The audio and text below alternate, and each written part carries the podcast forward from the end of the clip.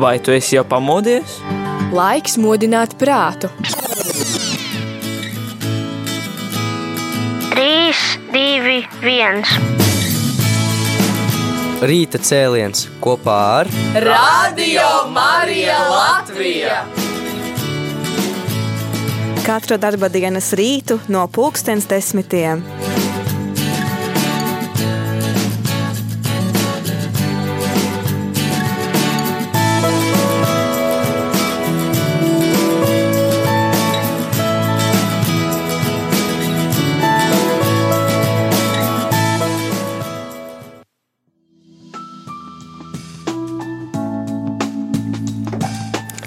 Ir 10 un 12 minūtes, un ir pienācis rīta cēliena laiks. Ar tevi studijā Jolanta Grāvīte, un šo rīta cēlienu vēlos iesākt ar kādu citātu. Turiet jūs, latvieši, savu valodu godā, un jums labi klāsies virs zemes, jo kas sevi pašu negodā, to arī citu negodās.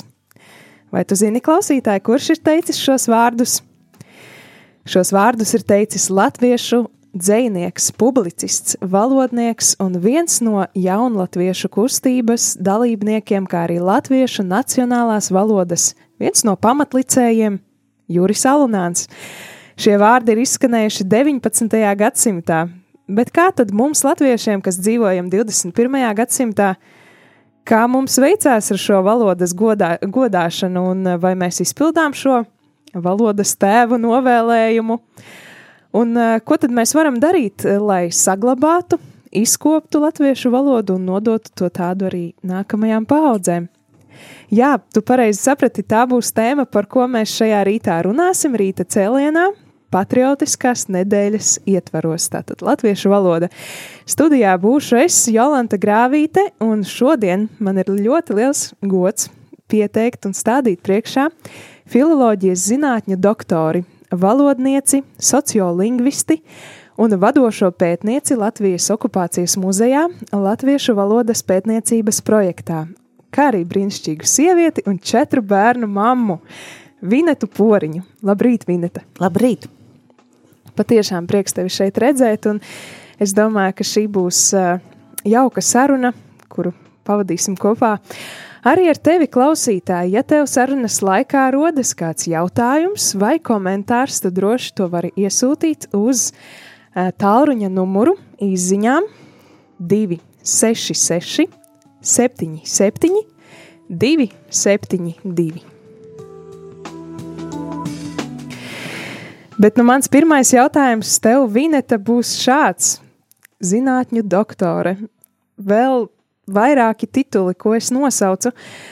Vai tas ir tavs bērnības sapnis, un kā tu vispār nonāci līdz tam, līdz šai valodniecības jomai? Līdz valodniecības jomai es nonācu, jāsaka, nejauši.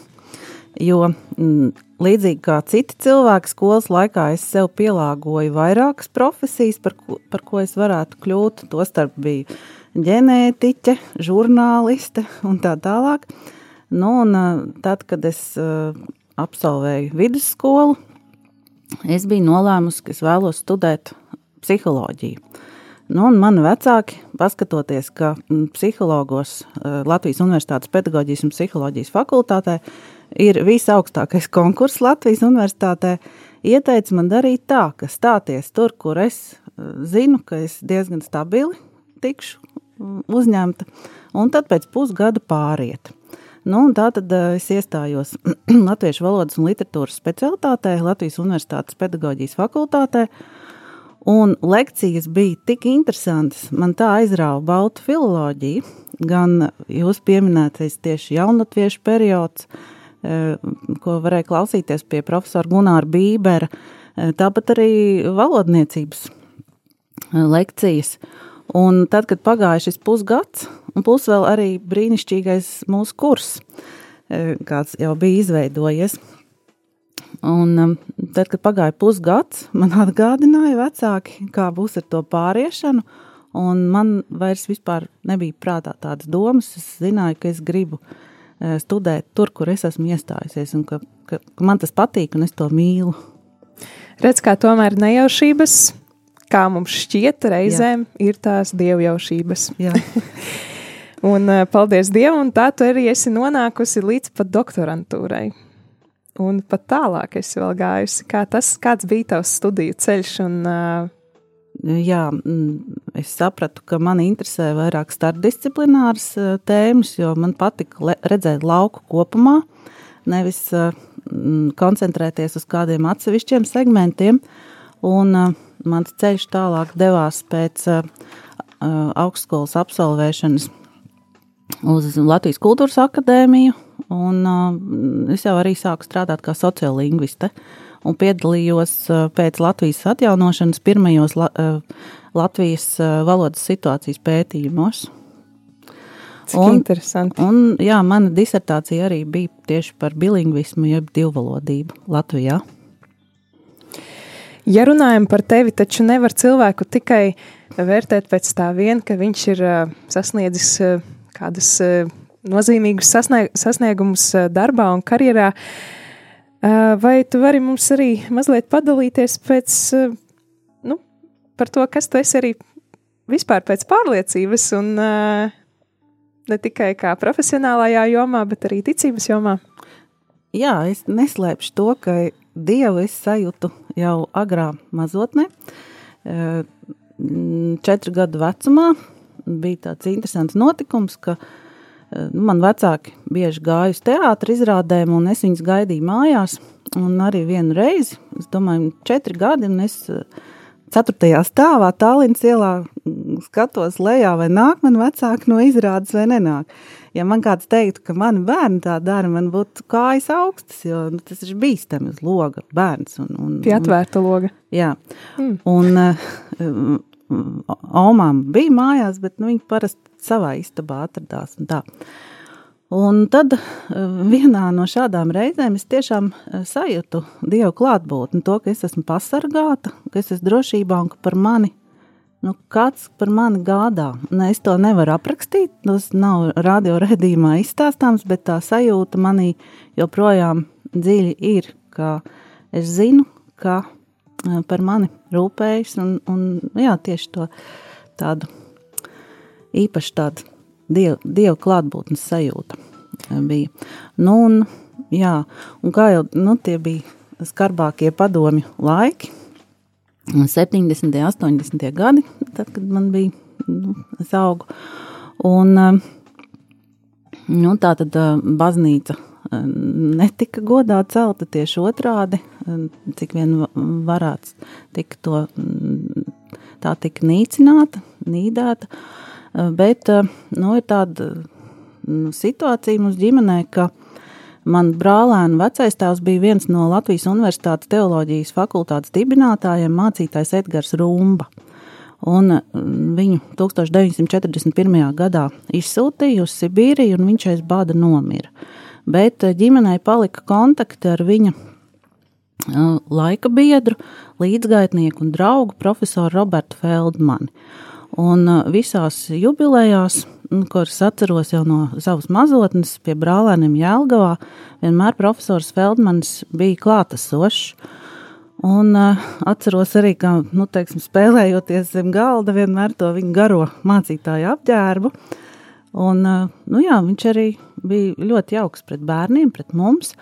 Un viens otrs pat ir izteicis tādu nu, hipotēzi, pieņēmumu, ka profesors Feldmans redzot nu, to drūmos padomu laikus, un ka vecāki jau tā īpaši mūs uz baznīcu neveda, un, un, un, un tā, nu, bija kā bija, ka viņš mūs pats ir izlūdzis Dievam, jo mēs ar brālēniem esam nu, visi ticīgi cilvēki. Cik skaisti tomēr senči lūkšanas un, un upuri par mums nenoliedzami. Noteikti ir tāds liels pienesums tajā, kā, kā mēs dzīvojam, kā mēs ticam šajā brīdī. Tu esi izvēlējusies arī kādu dziesmu. Es tev pirms šī raidījuma lūdzu, kādas dziesmas tu vēlētos dzirdēt šajā raidījumā, un tu, viena no tām ir strūga. Lai gan latviešu valodā radiofonotēkā kā par brīnumu tā nav pieejama, tikai latgaliski. Uh, bet varbūt īsumā divos vārdos, kāpēc šī dziesma? Jā, dziesma ir samērā konservatīva, bet dzirdot šo dziesmu, man tā ļoti uzrunāja pirmo reizi, kad es to dzirdēju. Un bija arī tāds, nu, kā tu teici, dievjaušība notika. Es, eh, man patīk braukt ar automašīnu, un es braucot pie stūres, telefonā klausos, nu, caur telefonu klausos YouTube failus, kur ir, nu, tostarp arī slavēšanas mūzikas klausos. Bet strūgu es nekad nebiju ne meklējusi, ne tā arī apzināti automašīnā klausījusies. Nu, un es pie sevis domāju, ka es lūkšanās lūdzu par kādu cilvēku, un es tā arī, nu, nodomāju, ka nu, laikam jau pietiek, es neredzu nekādus augļus. Nu, nu cik var, vai ne? Ka, vai, vai ir vērts visu laiku par to cilvēku iestāties un aizlūgt un tā. Un tad nu, pie, pie mašīnu, mašīnu vajadzēja apturēt pie krustojuma, Un ieslēdzot atkal telefonā, man uzlika šī dziesmas trūka, kur es nekad nebiju neierakstījis atmiņā, nekā citādi. Nu, kā zināms, trūkā ir vārdi, ka mm, kungs paskatījās, Dievs paskatījās uz mani, un es atstāju savu laivu un nu, devos viņam līdzi jaunā zvejā. Nu, to es tā uztveru kā atbildi, kā nu, nu, turpini nenolaid rokas. Un, un, jā. Jā, tad lai arī šobrīd skan strūga latviešu valodā, uh, latgaliešu valodā, Aldis Kise to izpilda un zinu, ka daudziem klausītājiem šī arī ir ļoti mīļa dziesma.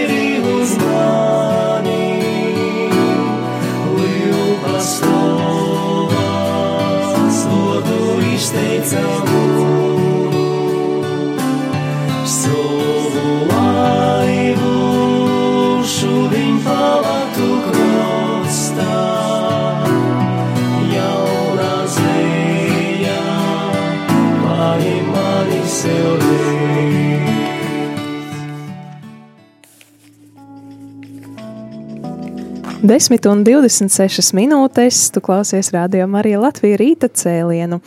Un studijas viešņa šajā rītā ir valodniece Vineta Poriņa.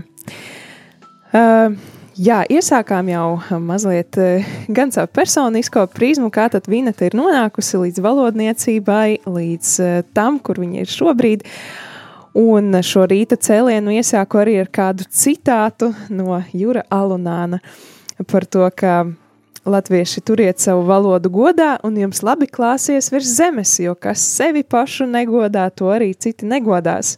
Vineta, tu kā valodniece, kā tu komentētu šo uh, izteicienu? Nu, tā ir simtprocentīgi taisnība, ka ir jābūt savai valodiskajai pašapziņai, savu valodu ir jālieto, nevis jāpielāgojas citas valodas runātājiem, un tad arī citi cienīs mūs, jo arī Eiropā un, un Eiropas Savienībā un citur pasaulē mēs jau esam interesanti ne jau ar to, ka mēs kaut kā dažādos līmeņos esam apguvuši angļu vai citas svešvalodas, bet mēs esam interesanti pasaulē tieši ar savu identitāti un ar savu valodu. Tad tomēr ir labi atšķirties ar kaut ko, nevis pielāgoties. Nu, protams. Un kā tad tavuprāt, tu esi veikusi dažādus pētījumus un, protams, iedziļinājusies šajā jomā, bet kopš alunāna laikiem, kā tad latviešiem ir veicies ar to valodas godāšanu? Starpkara periodā, 20. un 30.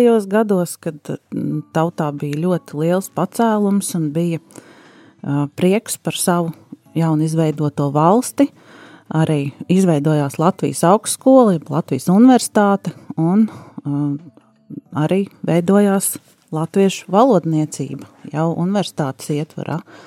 Un, uh, protams, ka uh, latviešu valoda un īpaši valodas normēšana, valodas kultūras jautājumi, tie bija tie, kam ļoti tika pievērsta uzmanība, uh, par ko nevarētu teikt mūsdienās, jo bieži vien uh, Mūsdienās valoda tiek uzskatīta, nu, tas jau tikai saziņas līdzeklis, galvenais jau, ka saprot un, un, un lieto pat dažādas citas uh, latviešu valodā neiederīgas zīmes, kā dubulto V un, un, un dažādas tur arī uh, citas, kas ir, uh, nu, attēlus, nelieto valodu, bet valoda aizstāja, vārdus aizstāja ar attēliem. Un tas jau viss noplicina valodu. Mēs kļūstam līdzīgi nu, tādam globālajam pilsonim. Un uh, valodas kultūrai, godīgi sakot, uh, mūsdienās ļoti maz veltu uzmanību. Un ko varētu izskaidrot ar to, ka, uh, nu, kā zināms, pēc totalitārisma nāca demokrātija, un tad arī šī visatļautība ir ņēmusi, nu, liberālisms arī valodas valodas, eh, ne tikai valodas politikā, bet arī valodas kultūras jautājumos. Jā, es tev pilnībā varu piekrist, ka arī es grēkoju, var tā teikt, bet uh, mūsdienās diezgan daudzi vārdi un teikumi tiek aizstāti ar tā saucamajām, es pat nezinu, kā latviski nosaukt, memēm. Memes. Emojiem, jā. Emoji. ar, ar, ar dažādiem smaidiņiem, jā, un, jā, un, un attēliem un tā tālāk, jā. Tas arī laikmeta ietekmē, jo Protams. agrāk taču rakstīja vēstules ar roku un tās gaidīja nedēļām ilgi, bet uh, tagad atliek tikai paņemt telefonu rokās un pat ar dažiem burtiem pietiek, lai tu jau būtu nodevis kādu vēstījumu. To jā. jau mēs visi darām, bet, uh, nu, izjust to, to robežu, cik daudz var. Un tā kā kādreiz kāds modes mākslinieks ir teicis, ka e, sieviete pērlis var valkāt pēc pulksten pieciem pēcpusdienā, bet viņa var to darīt arī agrāk, bet tikai tad, ja viņa zina, ka pērlis parasti uh, velk pēc pulksten pieciem. Tā līdzīgi ar, ar valodu var jau lietot, ja zina tam, nu, ekvivalentus latviešu valodā. Var lietot šīs zīmes, protams. Jā, ne, ne viss ir aizliegts, bet ne viss der. Jā. Arī tāds teiciens ir. Tu pieskāries mazliet arī šim te padomju varas laikam, kā tieši varbūt šis okupācijas laiks ir ietekmējis mūsu valodu, kā tā ir mainījusies līdz mūsdienām. Jā, valoda mainās nepārtraukti, bet uh, vispirms es gribu pateikt, ka ne visas pārmaiņas valodā mm, ir attīstība.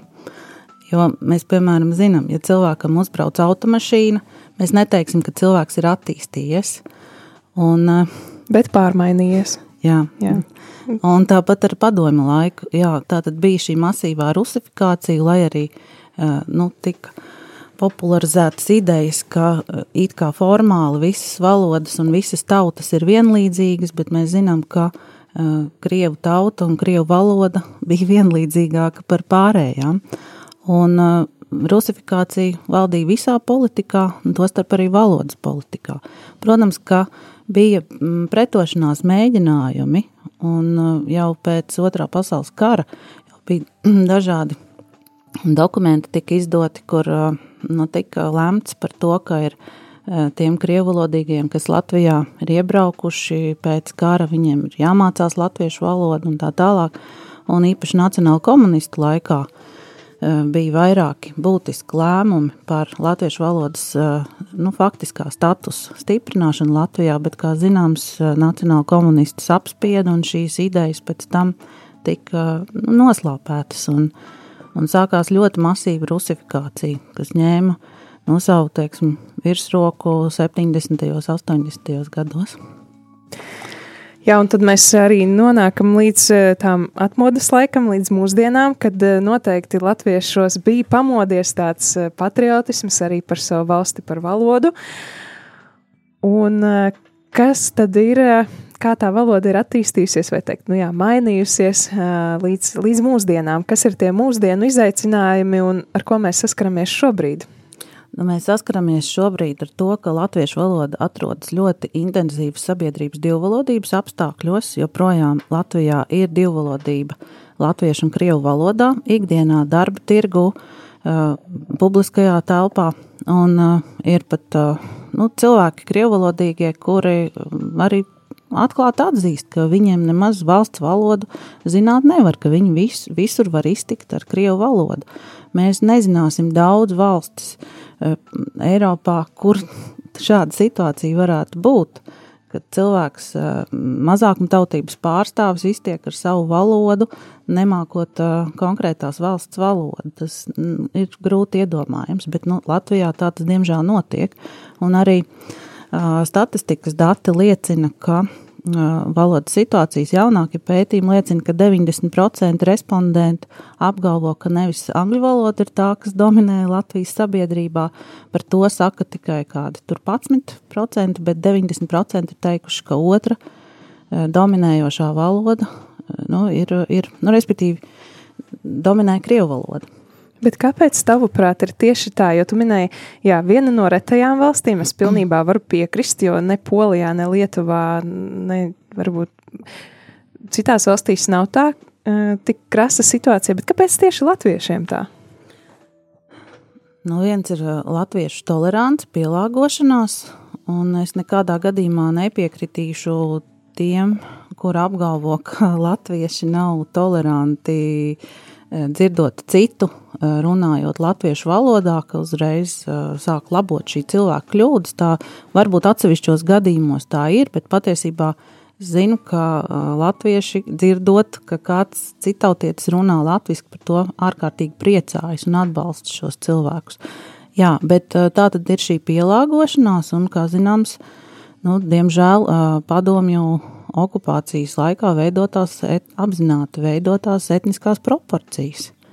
Mm. Latvijas lielākajās pilsētās latvieši ilgstoši bija mazākumā. Es zinu, ka ir vairāki cilvēki, latvieši, tajā starpā, kas ļoti principiāli uzstāj uz to, ka viņi nemainīs valodu, ja nu gadījumā krasi, krasi būs nepieciešams, pat ja viņi zina šo valodu.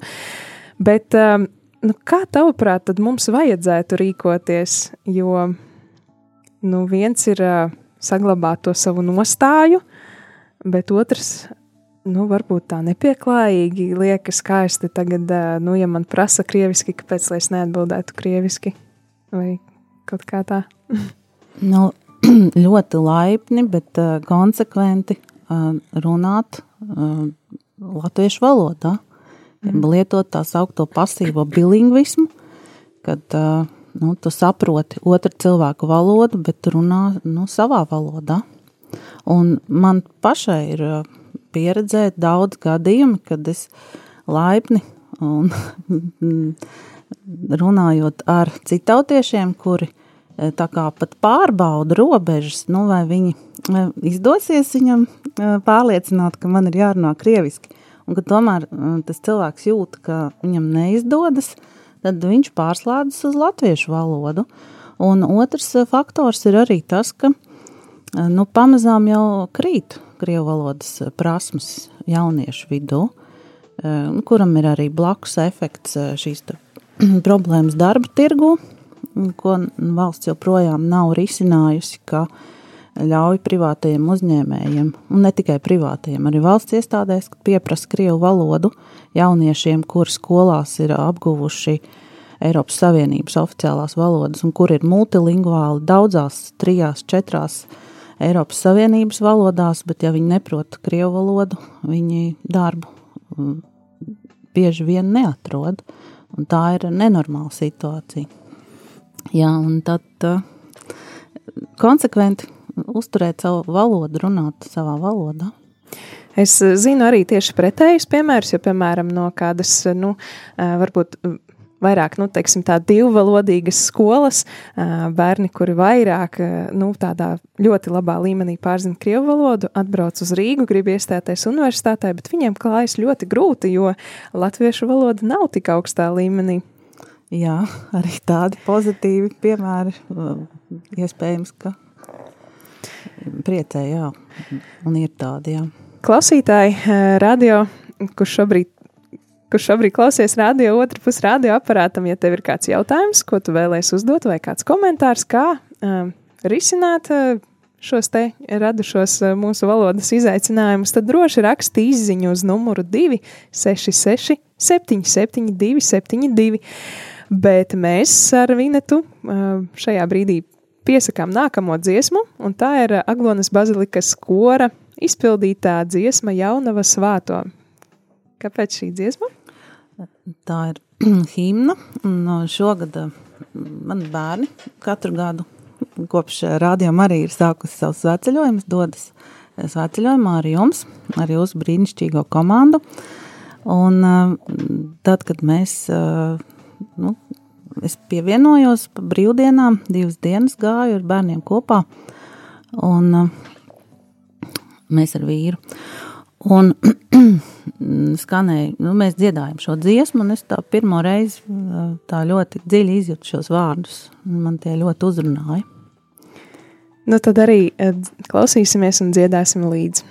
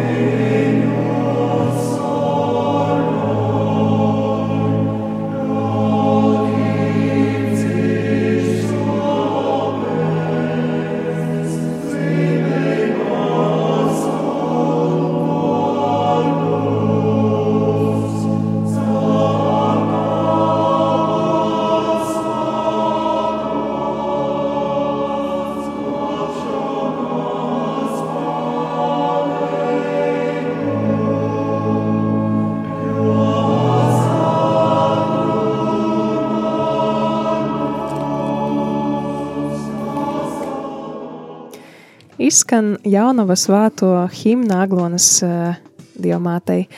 Un šajā rītā vēl turpinam runāt par latviešu valodu un par latviešu valodas izaicinājumiem un ko tad darīt, lai šos izaicinājumus pārvarētu veiksmīgi.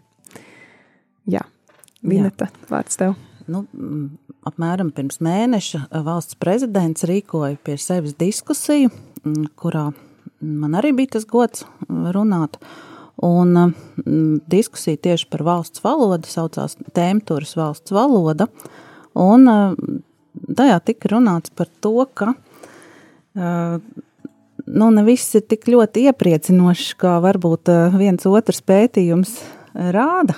Nu, kas varbūt nav pētījumi, kas ir atrauti no realitātes. Un mēs tieši runājam par problemātiku, par to, kas notiek ar latviešu valodas mācīšanu tagad jaunajā uh, skola 2030 programmā. Kompetenci pieejas. Nu, nosauktajā kompetenci pieejas uh, projektā, kur latviešu valoda ir atdalīta uh, nu, tīri un tematiski no literatūras. Latviešu valoda ir kā viena no valodām skolās, un literatūra ir pielikta pie mākslām.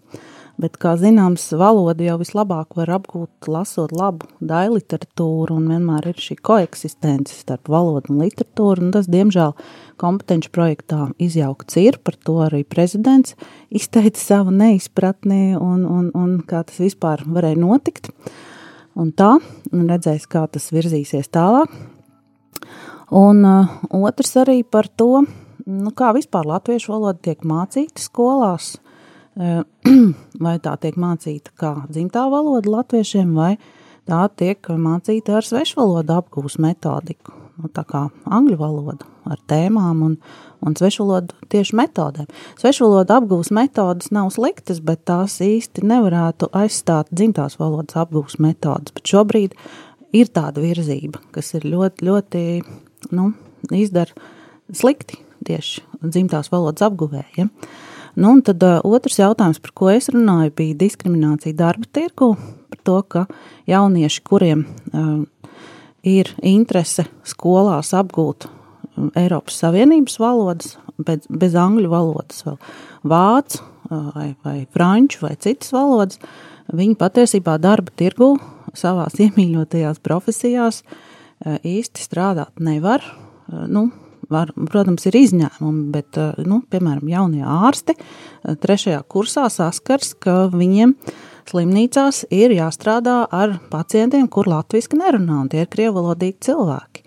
Nu, tad arī mēs runājam par šiem risinājumiem, vai tie būtu tulki, kuri palīdzētu uh, ārstiem darbā, ja viņi ir izvēlējušies šo Latvijas valsts vienmēr uh, kopš neatkarības atgūšanas popularizēto svešvalodu apgūves modeli, ka mēs vispirms apgūstam nevis mazākumtautības valodu, krievu valodu, bet mēs apgūstam Eiropas Savienības valodas oficiālās. Nu, un tad arī, protams, viens no darāmajiem darbiem, ko valsts jau ir ilgstoši atlikusi, ar tādu ļoti, nu, manuprāt, liberālu politiku valodas jautājumos, ir nu, izstrādāt noteikumus, kurām profesijām patiešām ir vajadzīgas svešvalodu prasmes. Un, nu, tad pēc izslēgšanas principa pārējām pilnīgi pietiek zināt latviešu valodu. Un šobrīd, piemēram, Nodarbinātības valsts aģentūrā es aplūkoju, ka ir apmēram 500 vakances, kurās nu, krievu valoda ir vai nu vēlama, vai tiek pieprasīta, vai vispār ir vienīgā valoda, kura ir darba ņēmējiem jāprot. Un tā ir ārkārtīgi nu, patoloģiska situācija. Mm. Jā, un arī es varu klausītājiem ieteikt izlasīt šo rakstu, par ko minēja Vineta, un tas ir izlasāms portālā LA.CLV ar nosaukumu Kā stiprināt valodu pašu zemē. Un šeit arī um, prezidents iesaka, um, kā, kā tad varētu kādu kampaņu uh, izveidot, lai, lai mēs visi saprastu, ka runāt latviešu valodā ir stilīgi. Jā, tā, tā, tā doma ir piesaistot uh, nu, viedokļu līderus, tieši arī jauniešu viedokļu līderus, iespējams arī rādījumā arī tādi atrastos, kuri popularizētu to, cik, cik ir skaisti runāt latviski, nevis tādā miksētā latviešu angļu uh, slengā. Jā, uh, it sevišķi manai paudzei un arī jaunākajai mums jau ir tā tendence vienu vārdu latviski, otru angliski, un uh, varbūt netulkojot kādus terminus, bet, uh, nu, ko tu ieteiktu, vai man vajadzētu uh, vairāk tīrīt savu valodu, vai... Nu, ja tu zini, kā ir pareizi, tad, uh, un ja tu cieni sevi un savu valodu, nu, tad varbūt pārāk bieži uh, nevajadzētu šādi, šādi praktizēt šādu jau, jaukto valodas, nu, valodas lietojumu. Vēl viens tāds interesants izaicinājums, ar ko saskaros arī es, un tā skaitā arī Radio Marija, tieši latviešu valodas jomā.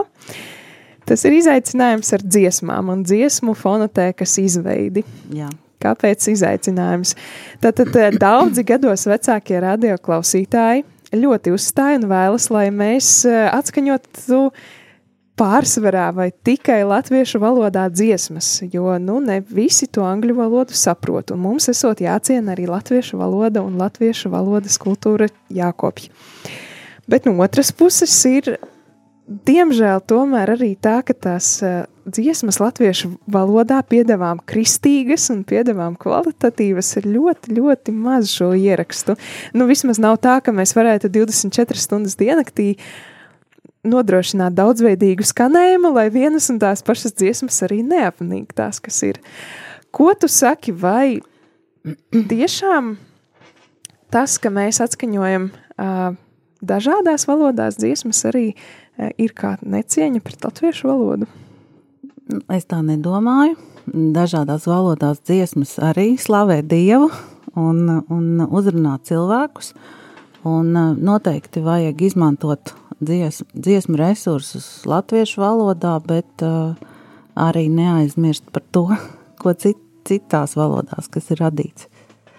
Jā, tu kā valodniece un arī kristiete, tev arī ir. Nu, kā teikt, savas dziesmas, kuras tu klausies un kuras tev nu, patīk. Jā, bet ko tu ieteiktu, kā risināt šo izaicinājumu? Ar radioklausītājiem? Jā. nu, varbūt, ka mm, veselu stundu, kā jau jūs darāt, veltīt latviešu kristīgai mūzikai un eh, nu, turpināt eh, iekļaut tās skaistākās dziesmas, kas ir radītas arī citās valodās. Šajā rītā tu esi izvēlējusies arī kādu dziesmu franču valodā. Jā. Un varbūt mazliet pastāsti, kas tā par dziesmu un kāpēc tieši šī? Tā ir dziesma Sālamana augstā dziesma. Kā zināms, eh, Bībeles visromantiskākās eh, daļas, eh, Sālamana augstā dziesma ir Bībeles visromantiskākā daļa, un šo dziesmu es pirmo reizi dzirdēju pēc kādas valodnieku konferences Liepājā. Es paliku vēl vienu papildu vakaru, un aizgāju uz Liepājas katedrāli. Un tur ieradās mans studiju biedrs, kurš tagad ir priesteris Mārs Ozoliņš ar savu slavētāju grupu. Un, lai arī katedrālē bija apmēram 0 grādi, tas bija decembra sākums, es izturēju un bija to vērts, jo katedrāls sienās dzirdot šo franču dziesmu, viņi man pilnīgi nu, nu, aizgrāba un, un, un ļoti suģistēja, un es to arī gribu lai uh, klausītāji dzirdētu. Nu, tad arī dziesma Glorijas, Glorijas kā pareizi izrunā. Jā, tad šī dziesma, lai izskan kā patīkams baudījums jūsu ausīm.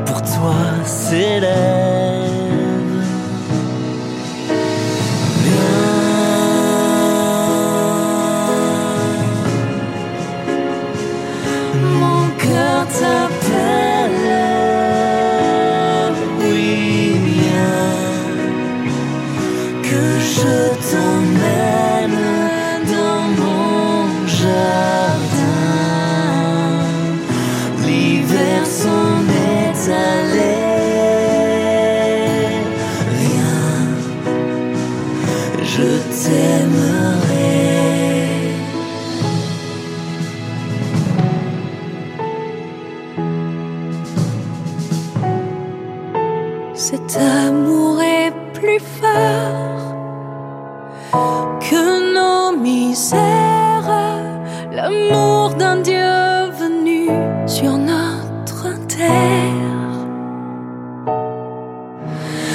Grâce qui guérit et qui relève. Voici l'amour qui jamais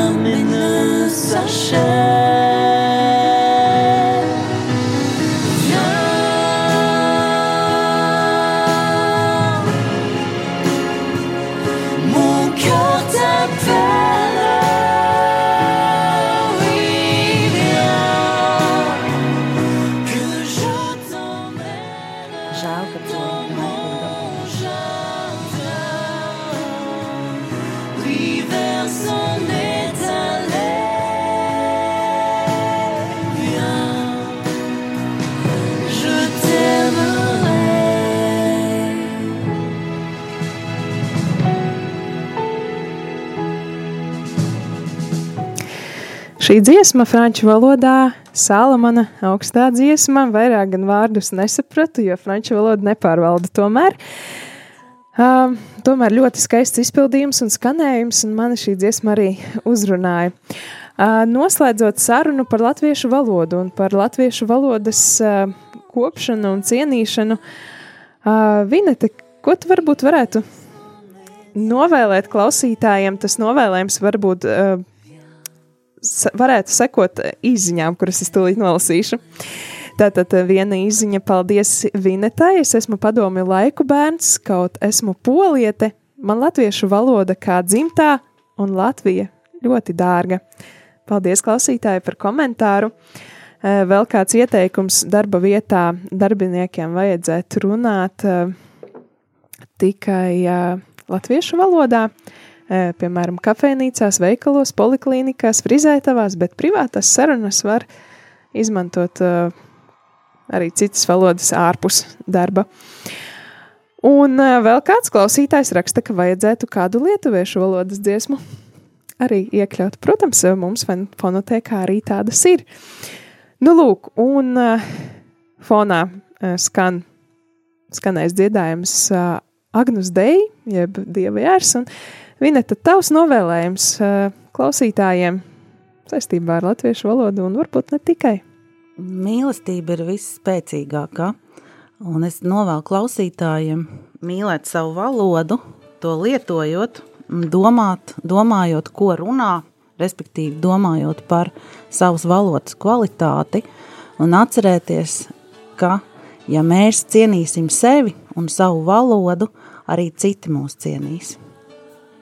Bet viss pamatā ir mīlestība pret, pret sevi, pret savu valodu un pret savu tautu.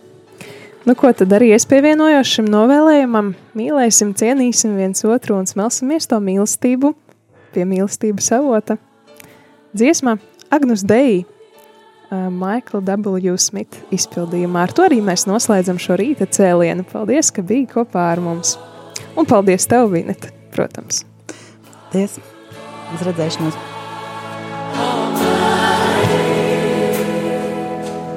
Worthy is the Lamb. Worthy is the Lamb. You are holy. Holy.